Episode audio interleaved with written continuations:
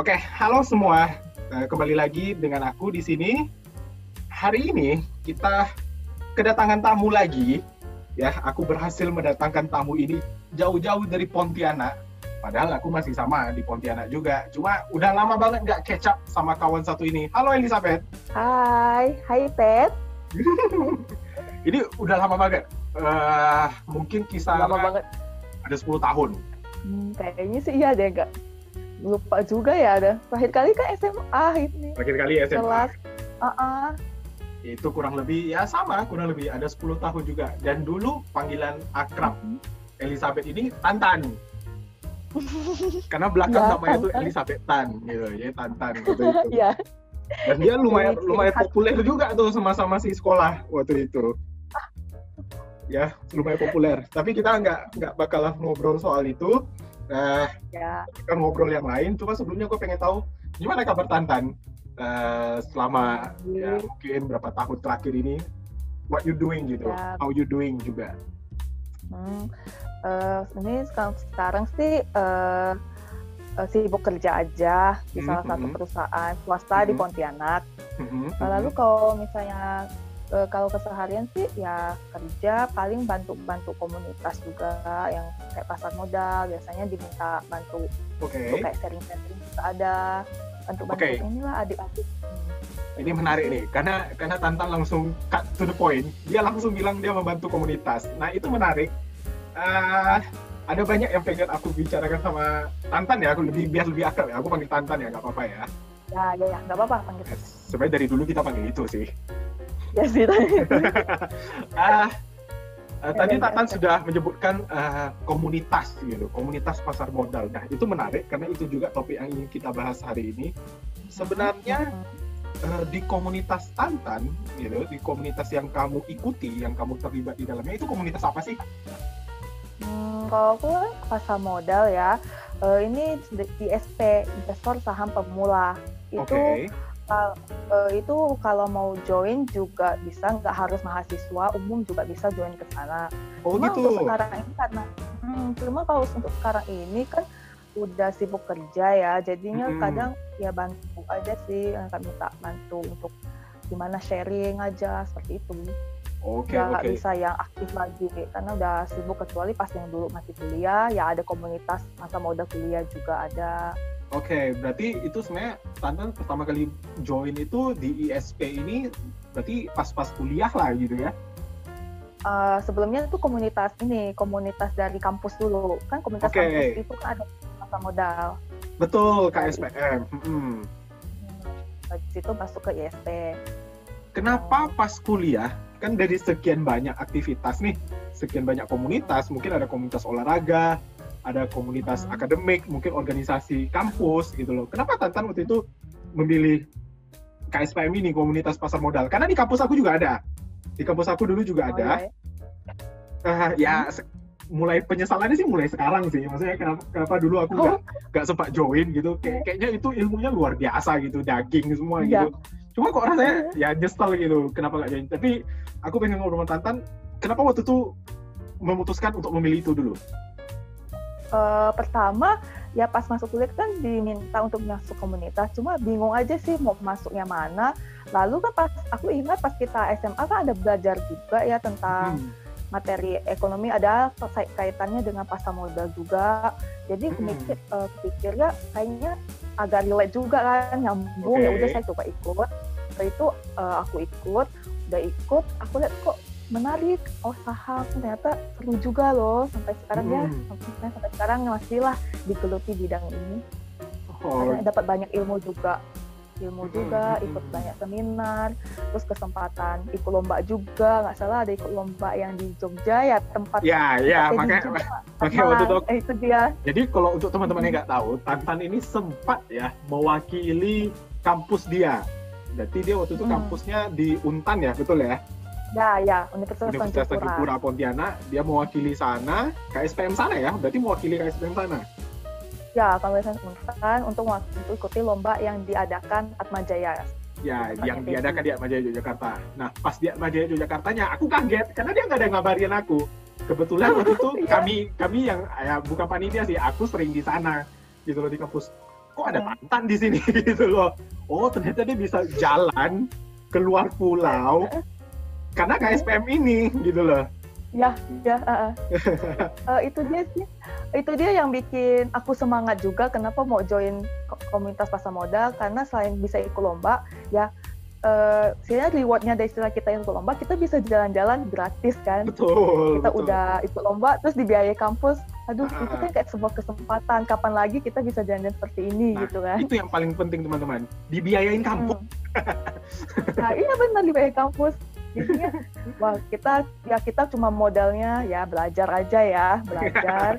Oke. Okay. setelah kita pulang dari itu kita kita bisa ikuti lomba dan jalan-jalan juga. Kan sebuah pengalaman yang menarik bagi ya generasi muda sekarang lah yang bingung gimana mau salurkan idenya atau luar atau biasa. kemampuannya.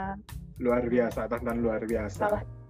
itu itu kalau kita dengar soal ya mungkin sekilas tentang keterlibatan keterlibatan si Tantan dalam komunitas pasar modal lah ya. Nah. Cuma kita belum ya, ya. ngomong uh, cara gimana lah katakan mungkin pendapatnya Tantan. Sebenarnya pasar modal menurut Tantan tuh apa sih? Kenapa sampai ada komunitasnya di tiap kampus-kampus? Sebenarnya itu apaan gitu loh? Hmm, kalau menurut aku ya pasar modal itu ya uh, Uh, maksudnya lebih ke pemahamannya atau apanya dulu ini? Uh, mungkin menurut Tantan sebenarnya uh, kalau ditanya sebenarnya lu ikut pasar modal tuh buat apa sih gitu loh? Emang itu apaan oh. gitu loh? Kira-kira kalau oh, ditanya gitu kalau, Tantan? Nah. Kalau aku itu itu ilmu ya, ilmu pertama ya ilmu pengetahuan bagi kita. Okay. Dan itu dan menurut aku itu ilmu yang jarang orang bisa uh, pahami ya okay. kayak sesuatu yang jadi kita mau pelajari itu ya sesuatu yang bergengsi juga bagi kita oke okay, oke okay. kita uh -uh. terus jadi kalau kita bisa memahami ini ya kita tentunya kita uh, punya pengetahuan berbeda dari yang lain oke okay, oke okay. itu kita juga memiliki kemampuan finansial finansial juga hmm. financial hmm. planning hmm. karena di sini kan kita berinvestasi kan Setidak okay. langsung kita dituntut harus berinvestasi dan mengalokasikan dana-dana kita untuk invest ke uh, beberapa uh, instrumen pasar modal seperti saham, obligasi. Oke. Okay. Oke, okay. ah itu kira-kira ya, gambaran. mm, itu gambaran kalau misalnya ditanya teman-teman sebenarnya pasar modal itu apaan sih gitu loh uh, mungkin kurang lebih bisa dibilang pasar modal itu ya tempat kita sisihkan uang gitu untuk investasi lebih tepatnya gitu kan hmm, ya, yang betul-betul uh, kalau sering kita dengar quote mungkin teman-teman sering lihat di media sosial tentang bagaimana uh, kita tinggalkan aja uang nanti uang kita tidur uang bisa bekerja buat kita sendiri mungkin kurang lebih salah satu ya. tempatnya ada di pasar modal ini yang Tantan uh, terlibat lah uh, dalam kegiatan-kegiatan dan komunitasnya gitu ya. Mm -hmm. Oke. Okay. Uh, pengen ngomong lebih banyak lagi. Uh, cuman di sini hmm. aku pengen tanya sudah berapa lama sih kalau dihitung secara waktu Tantan aktif gitu mengenal, memahami gitu, belajar tentang dunia pasar modal ini udah berapa lama? Kalau ikut komunitasnya kayak semenjak awal kuliah ya 2013. Okay. Tapi mulai benar-benar berinvestasi, mulai belajarnya itu di 2015. 2015, berarti ada dua tahun. Udah berani, mm, udah beranikan, udah beranikan diri untuk kayak misikan dana lebih seperti uang jajan lah ya zaman kuliah itu, uang jajan buat invest, coba-coba itu. Okay. Soalnya itu juga kenapa aku mulai beranikan diri untuk untuk kayak invest atau apa uh, dari lomba itu juga yang aku lihat uh, semuanya tuh rata-rata pada jago dan ngerti kok aku yang masuk komunitas gak berani untuk mencobanya dari itu dia termotivasi. Oke, okay, ini ini menarik, ini menarik. Walaupun aku tahu Tantan sempat ke Jogja ikut lomba, cuma aku nggak tahu itu di lombanya tuh lomba apaan aku nggak tahu gitu loh. Aku tahu pasar modal, cuma sebenarnya lombanya tuh ngapain gitu, apa yang diperlombakan gitu. Mungkin Tantan bisa bantu jelaskan ke teman-teman yang dengar podcast ini kalau pasar modal sama-sama si kuliah hmm. yang dilombakan tuh apaan sih gitu loh. Oh ya. Sebelumnya kan sebelum kita masuk ke ke, ke Jogjanya itu kita hmm? buat kayak pre-case-nya gitu ya, pre-testnya itu buatkan artikel. Ada satu ada satu case nanti kita jelaskan tentang artikel tersebut apa. Setelah itu kita lolos uh, di lomba di Jogja itu pertama ya babak penyisihannya ya kayak pengetahuan umum tentang pasar modal. Okay. Cuma ya itu ya mungkin standar tapi yang lebih menariknya ada ada lomba trading. Jadi di sana aku belajar oh banyak. gitu. Oh itu belajar trading. Jadi saya uh, lihat dari banyak uh, dari banyak kampus itu rata-rata jago-jago banget tradingnya. Dan dari oh. ya, dan dia menurut saya ilmu tradingnya itu masih kurang. Dan dari itu termotivasi untuk wah asik nih asik nih asik nih. Kita kita mulai mulai masuk ke secara makin teknisnya di pasar modal ini. Ya kan? Hmm. karena kalau dengar kata-kata trading itu kan mungkin teman-teman eh, yang mungkin agak paham soal ekonomi kan wah trading kalau udah ngomongin soal trading pasti ngomongin soal cuan nih ngomongin soal untung ini gitu loh kira-kira emang cuannya kalau di pasar modal tuh dari mana gitu loh Mm-mm. Kalau di pasar modal itu sebenarnya kan ada invest, invest sama trading. Kalau Oke. invest itu lebih ke jangka panjangnya ya. Ini lebih biar biar orang paham ya. Jadi ada sebenarnya ada perbedaannya. Nggak semua pasar modal, nggak pernah investasi di pasar modal itu trading juga. Kita juga bisa untuk investasi aja. oke Makanya ada di. Itu yang untuk supaya mindset nanti yang nonton ini tahu gitu. Ah, ah, Jadi ah, ada yang invest trading. Kalau trading itu ya kita untuk per- untuk eh, investasi yang permainannya itu ya eh, jangkanya jangka pendek gitu hari ini. Oke. Jual, gitu.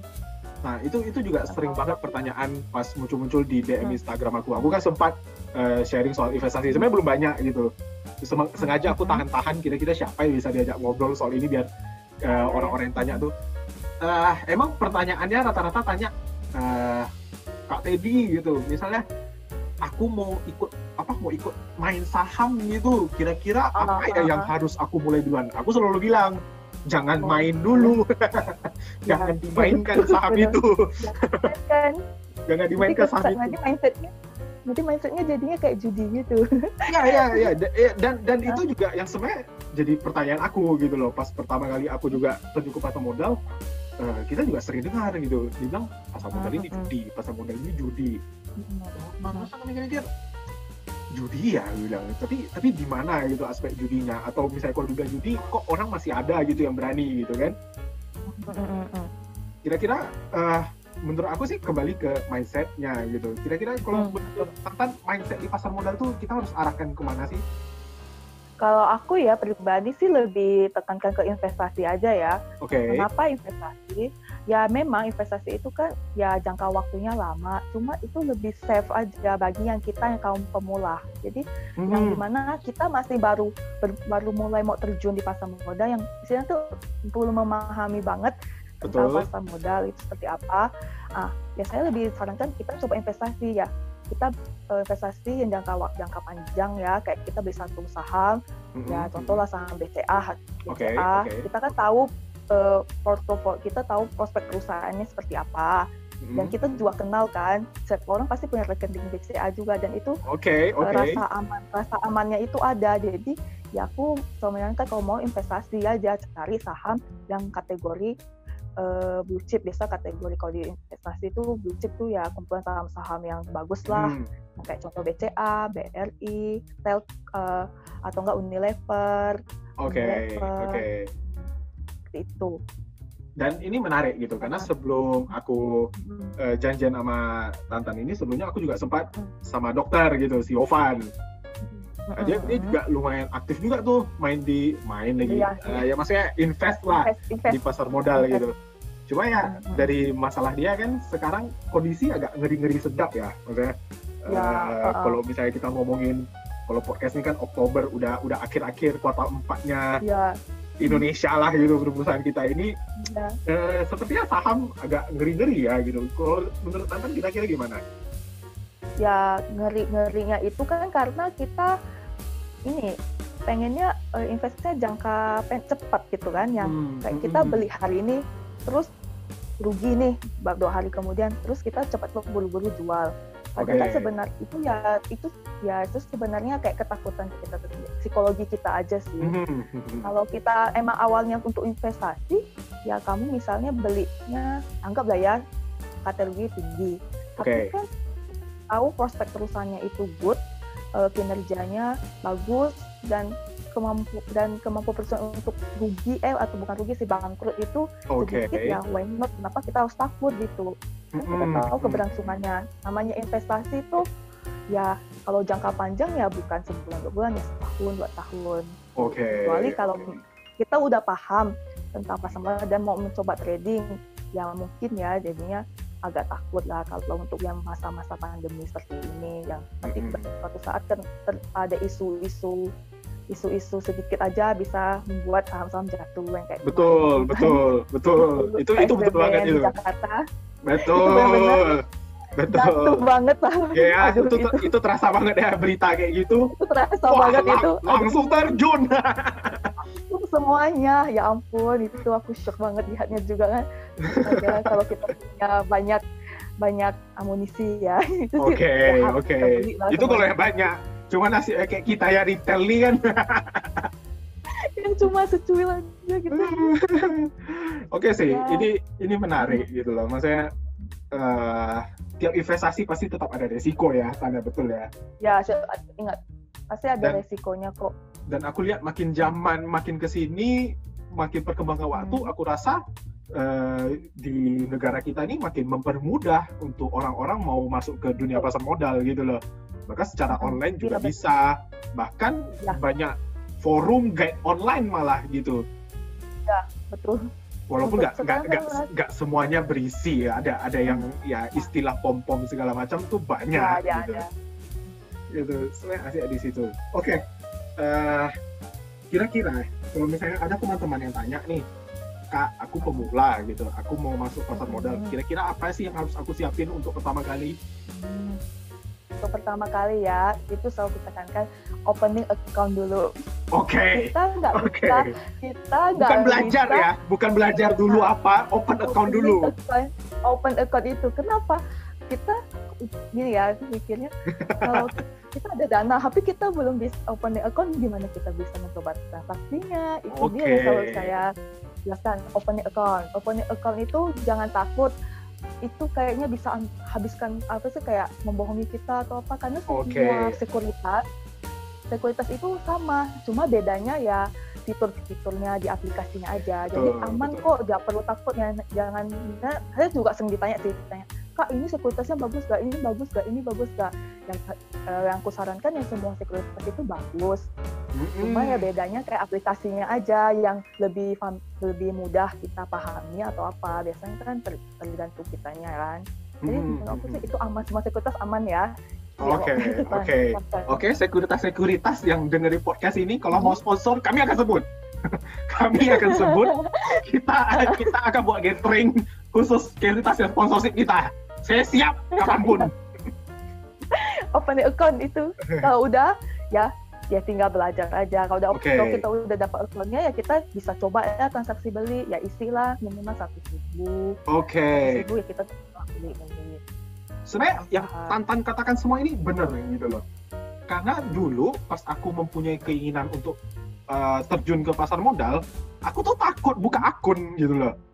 Emang Kenapa? emang mindset Takut? pertamanya tuh takut ah nanti taruh uang sana uang hilang nggak bisa tarik balik lagi. Oh, Ternyata iya, enggak iya, iya, gitu loh. betul. Ternyata Enggak, enggak, enggak gitu kok. loh. Mm-mm. sedangkan kita ya karena kita orang ekonomi kan rasanya aneh gitu masa kita orang ekonomi nggak pernah sentuh benda ini kan gitu kan. Padahal Ya. skrip skripsi segala macam kita semua ambil data ini laporan keuangan kita bisa bisa Ya. baca masa yang kayak gini yang praktis kita nggak bisa gitu loh. Jadi tenang aja teman-teman. Eh, menurut aku itu cara yang paling bagus daripada ya belajar ilmunya tetap perlu gitu loh. Cuma Mm. apa gunanya belajar ilmu terus tapi tidak dicoba gitu loh ya benar benar bagus benar. langsung buka Jadi, akun sambil belajar sambil learning error ah, bet- betul ya, kayak soalnya mhm. eh, pengalaman juga kan kayak gitu kita kalau kita udah ada akunnya kan mau tak mau kita harus coba invest kan Betul. mem- Mhm. menjawab rasa penasaran kita itu gimana sih rasanya rugi iya gimana sih rasanya Iya. megang saham gocap gitu megang saham gocap gitu kalau teman-teman nggak ada yang nggak paham saham gocap Google. Cari. Google aja. Gimana sih? Gimana sih rasanya cuan gitu?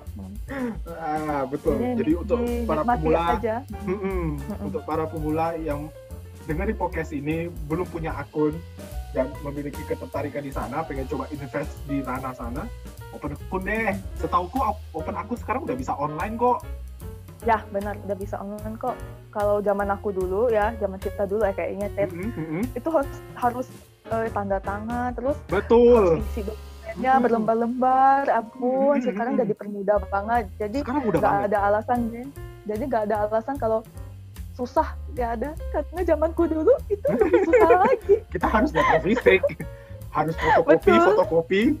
Apalagi Benar, dulu kita benar. belum ada MPWP, harus nembeng PWP orang Ah. Iya, itu dia gitu. Jadi masa kayak emang benar-benar dipermudah sama pemerintah juga sih. Emang pemerintah itu juga meng- menggiatkan untuk investasi di pasar modal. Itu yang aku Ya. senangnya dari pemerintah sekarang ini. Mhm, mhm. Yang membuat kita tuh melek investasi. Betul, betul, betul. Karena kalau semisalnya yang aku tahu lah ya, aku pelajari sepertinya jumlah katakanlah jumlah user mungkin ya, jumlah eh, pelaku di pasar modal di Indonesia tuh masih dikit banget ya.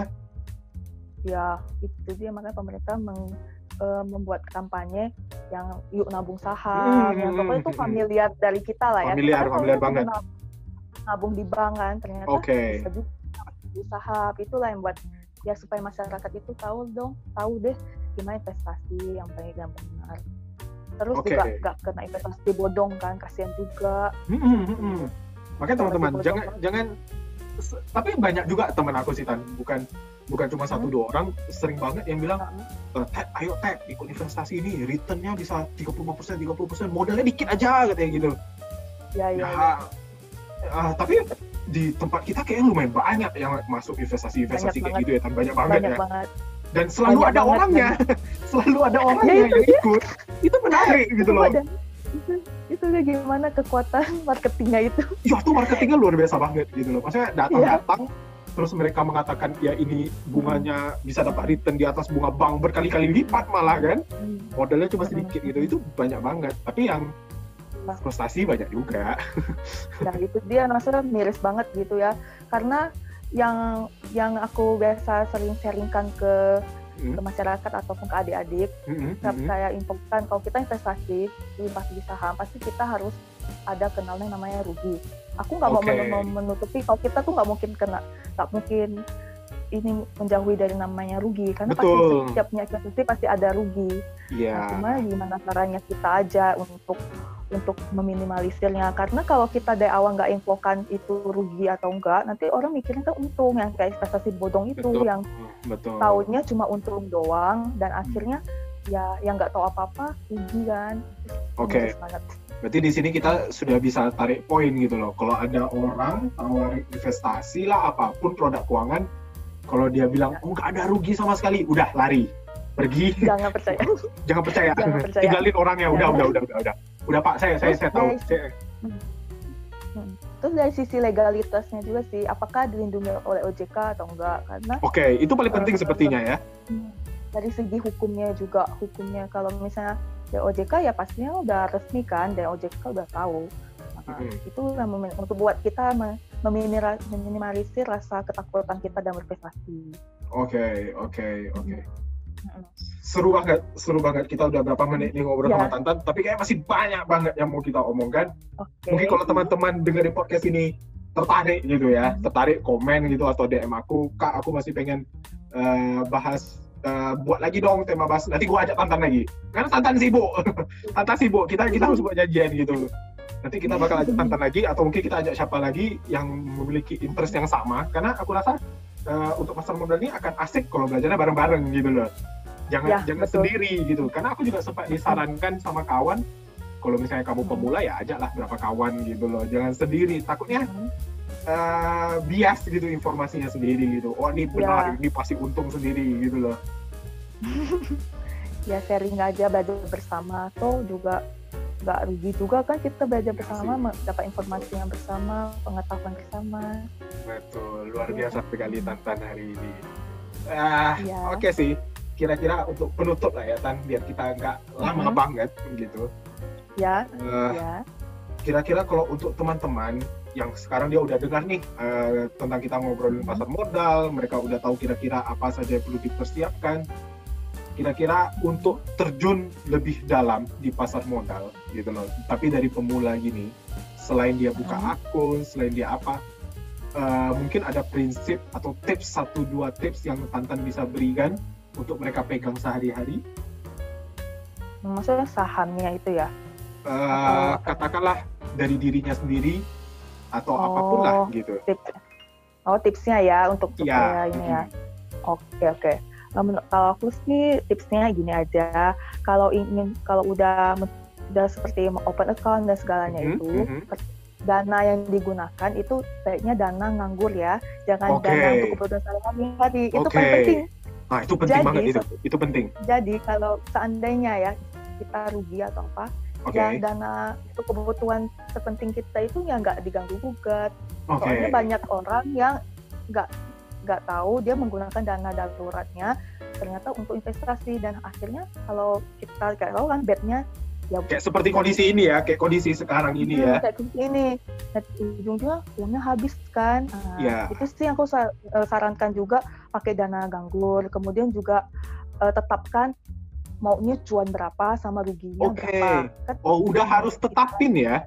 harus harus harus ya at least kalau mau rugi ya 3 sampai 5 persen Oke. atau juga bisa 3 5 persen atau di atasnya itu tergantung kitanya cuma Mm-mm. ya supaya apa ya supaya kita ruginya nggak terlalu jauh juga biasanya kan Oke. banyak yang banyak yang mikir ah bakal naik atau apa akhirnya Mm-mm. udah batasan ruginya udah lewat eh makin anjlok juga kan sahamnya ya mending untuk eh, kita netapkan batas ma- minimal atau maksimal kerugian kita ya supaya nanti dananya itu bisa kita pakai aja untuk invest yang lain. Gitu.